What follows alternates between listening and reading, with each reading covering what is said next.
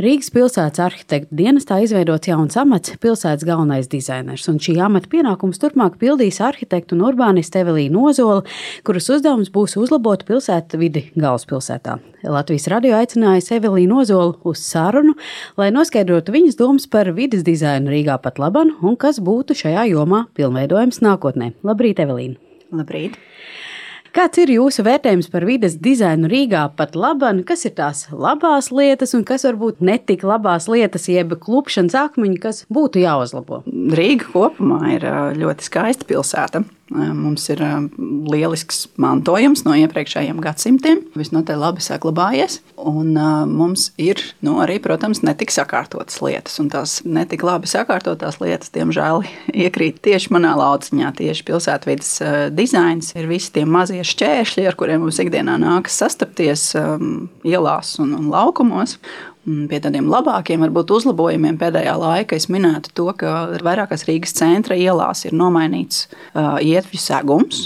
Tobrīd, kad tas notika, diezgan daudz šķendējās, ka ir ļoti lielas nērtības un kas tad tās par, par flīzēm, ko uz ielām liek. Bet galu galā es domāju, šobrīd mēs esam jau pie tā pieraduši. Iznākums ir gluži labs, ielas izskatās gaišākas, sakārtotākas.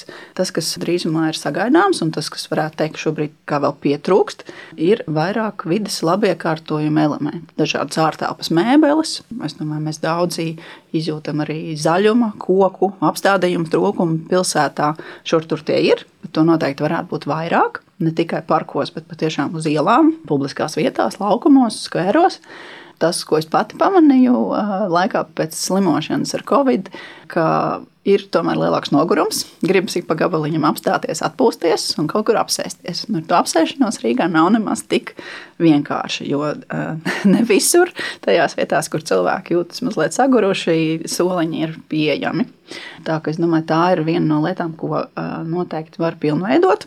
Pagājušajā vasarā Rīgas pilsētas vidē jau tika veidotas tādas tā atpūtas saliņas ar zaļumiem un sēdvietām. Tas tiks turpināts, vai tomēr jūsu iecer nedaudz citādākā izpildījumā? Rīgas vasaras iela programma ir tā, ka nu, es to īsti nekontrolēju, es pati to nevadu. Ar to nodarbojas mani kolēģi. Šobrīd es varu teikt to, ka daļa no tā, kas tika iesākts pagājušajā gadā, tiks turpināts. Daudzās no tām pašām vietām, kur jau iepriekš bija izvietotas tādas atpūtas mēbeļu grupas, tās parādīsies no jauna. Iespējams, nāks klāt arī vēl kāda cita vieta. Visi šie vasaras pasākumi ir tādi izmēģinājumi, un daudz kas no tā nepaliek uz ziemas sezonu.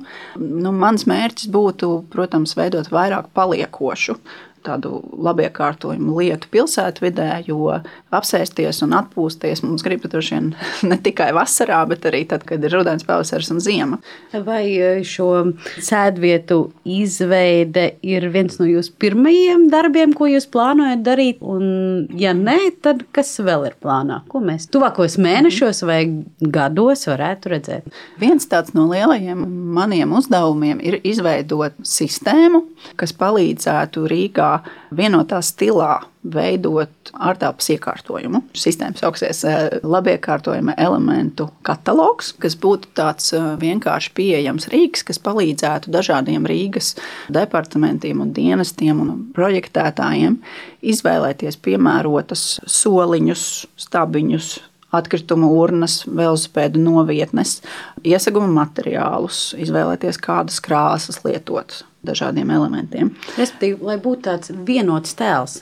Jā, tieši tā, lai pilsētas tēls veidotos vienoti. Protams, ka ne visā pilsētā pilnīgi vienādi. Mums ir arī jāsaprot, ka mums ir dažādas atšķirīgos vēstures posmos tapušas pilsētas daļas, kurām ir katrai savs raksturs, un, protams, tām nepiestāvēs vienas un tās pašas lietas. Nozīmīga vidas dizaina sastāvdaļa ir arī dažādi uzraksti, informācija pilsētvidē, norādes. Norāžu sistēma Rīgā nav īsti sakārtota, pie tās noteikti būs jāstrādā. Nu, protams, mēs arī gribētu redzēt kaut kādu lielāku vienotību izkārtnēs, reklāmas materiālos. Daudz vietā Rīgā ir parādījušies arī mm, digitāli ekrāni, kā reklāmas elementi. Es jāsaka, par to nesmu sajūsmā. Es domāju, ka arī apkārtējā māja iedzīvotāji labi zina, ko nozīmē, kad eh, dažādas krāsu gaismas panāktas spīd logā. Tā arī tādas um, vidas sakārtošana arī no apgaismojuma, piesārņojuma, no tāda reklāmas pārmērīga raibuma viedokļa. Nu, arī tas ir vidas dizainera jautājumu lokus, ar kuru jāstrādā un kas pakāpeniski ir jāsakārto. Nevar apsolīt, ka tas notiks uzreiz, bet es pie tā palēnām ķeršos klāt. Pilsēta, kurai jau ilgus gadus ir, eh, dizainers ir kuldīga. Mm. Jūsuprāt, tas veikums un tas vienotais tēls ir um, veiksmīgs un acītīkams? Jā, kuldīgu noteikti var minēt, un arī man šķiet, ka tā daudzkārt uh, tiek minēta kā labs vienotas pilsētvidas veidošanas paraugs Latvijā. Protams, man liekas, arī kas ir interesanti, ka arī Kuldīgā mēs pazīstam to vēsturisko centru kā tādu ļoti saskaņotu, tādu vienotu ansambli, bet arī Kuldīgā ir, teiksim, padomju laikā būvētas dzīvojamās ēkas, arī, teiksim, koka ēkas ir dažādi stili īstenībā, un, un Rīgā tas ir vēl jo izteiktāk, ka varbūt ne gluži katrai apkaimēji, bet eh, katrai pilsētas daļai ar savu raksturu ir jāpiemeklē tas atbilstošākais, un kaut kur mēs varbūt tiešām varam arī atļauties spilgtākas lietas, eh, krāsas, uzrakstus un vispārējo, bet ir zonas, kurās mums ir tādas vadošās jāņem vērā vēsturiskās vērtības. Nu, piemēram, tā būtu vecrīga, tas būtu bulvāru lokus, kur skatoties senākas fotogrāfijas, var redzēt, cik skaisti lieli koki ir auguši Rīgas centrā. Priekšdārziņu tradīcija ir brīnišķīga un to būtu vēlams atjaunot. Kādas ir bijušas mazas sētiņas ap apstādījumiem, uz kādiem soliņiem cilvēki ir sēdējuši. Tas viss kopā veido tādu noskaņu auru un ietekmē to, kā cilvēki pilsētvidē uzvedas, kāds iespējas par Rīgu kopumā veidojas. Pilsētas arhitekta dienestam līdz ar jums ir pievienojusies arī galvenā ainavu arhitekta Indra Purs. Kā un vai ainavu arhitektūra iet roku rokā ar pilsētas dizaina vajadzībām un veidošanu? Iet ļoti cieši. Es teiktu, ka daudzos gadījumos tāda skaidra atšķirība starp ainavu arhitektu un pilsētvidas dizaineru nemaz nepastāv. Es eh, kompetences daudz kur pārklājas.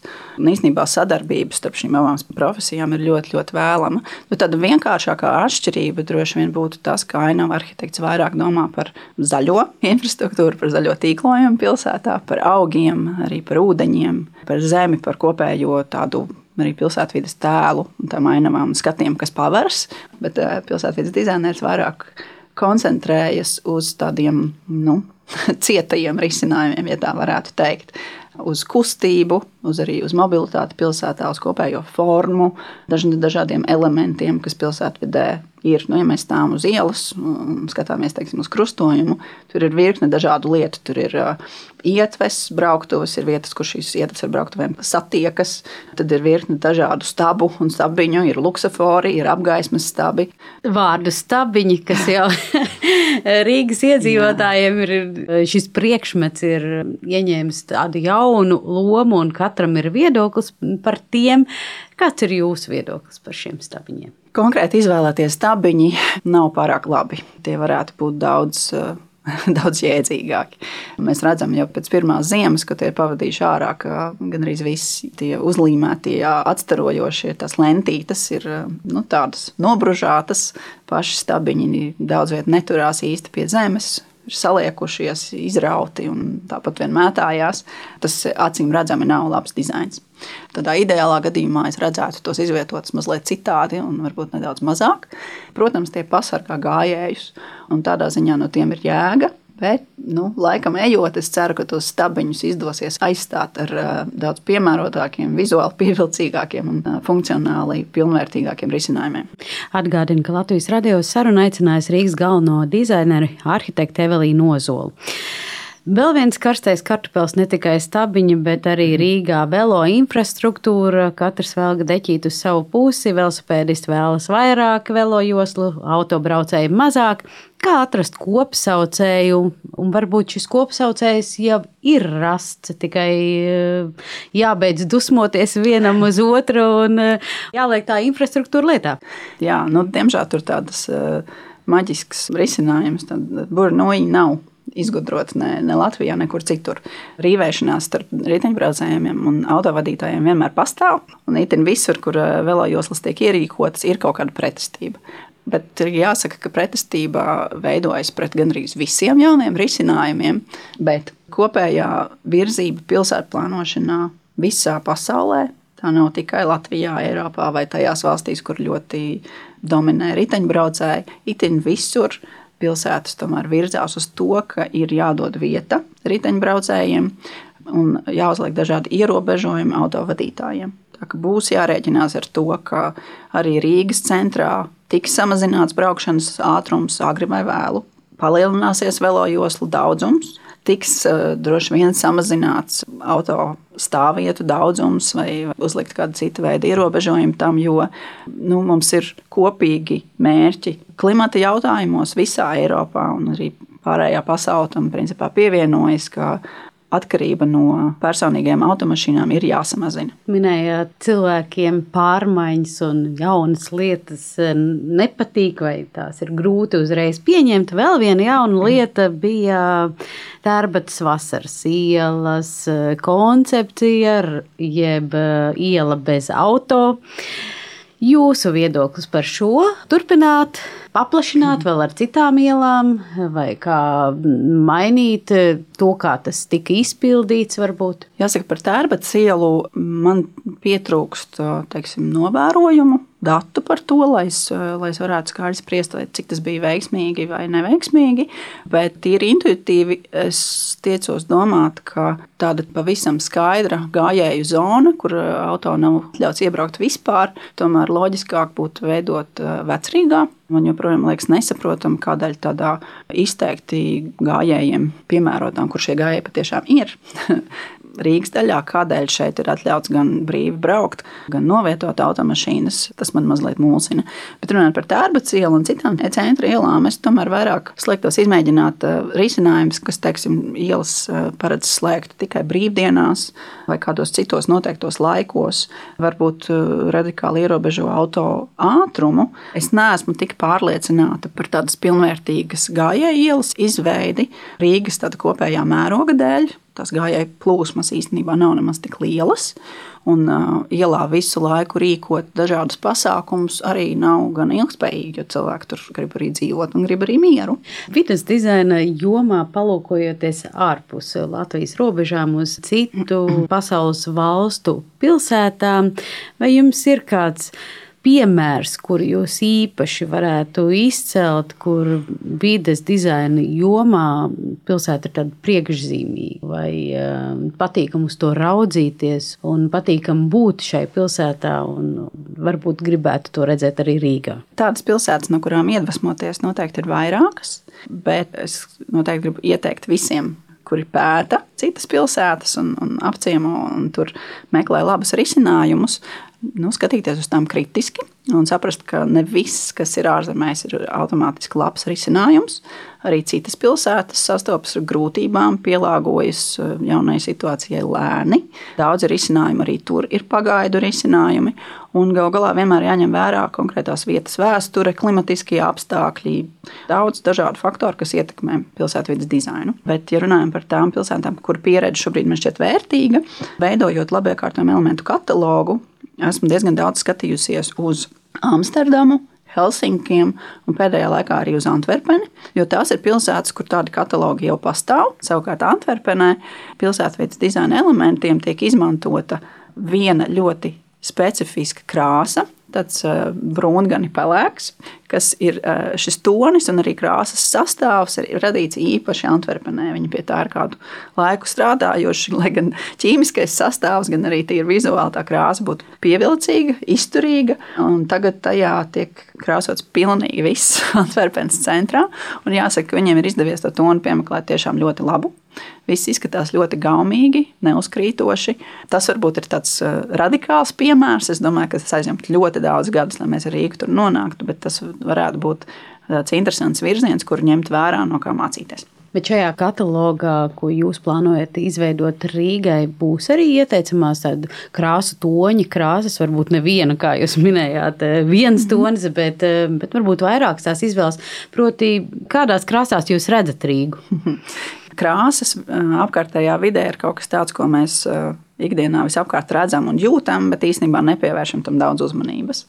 Un, man šķiet interesanti, es tagad pēdējā laikā ar to nodarbojos, ka staigāju pa Rīgas centru ar krāsu paleti un skatos, kādā tonī ir nokrāsots, piemēram, sabiedriskā transporta pieturvietas, kādās krāsās ir apgaismas stabi, kādās ir fasādes, kādās ir zeme.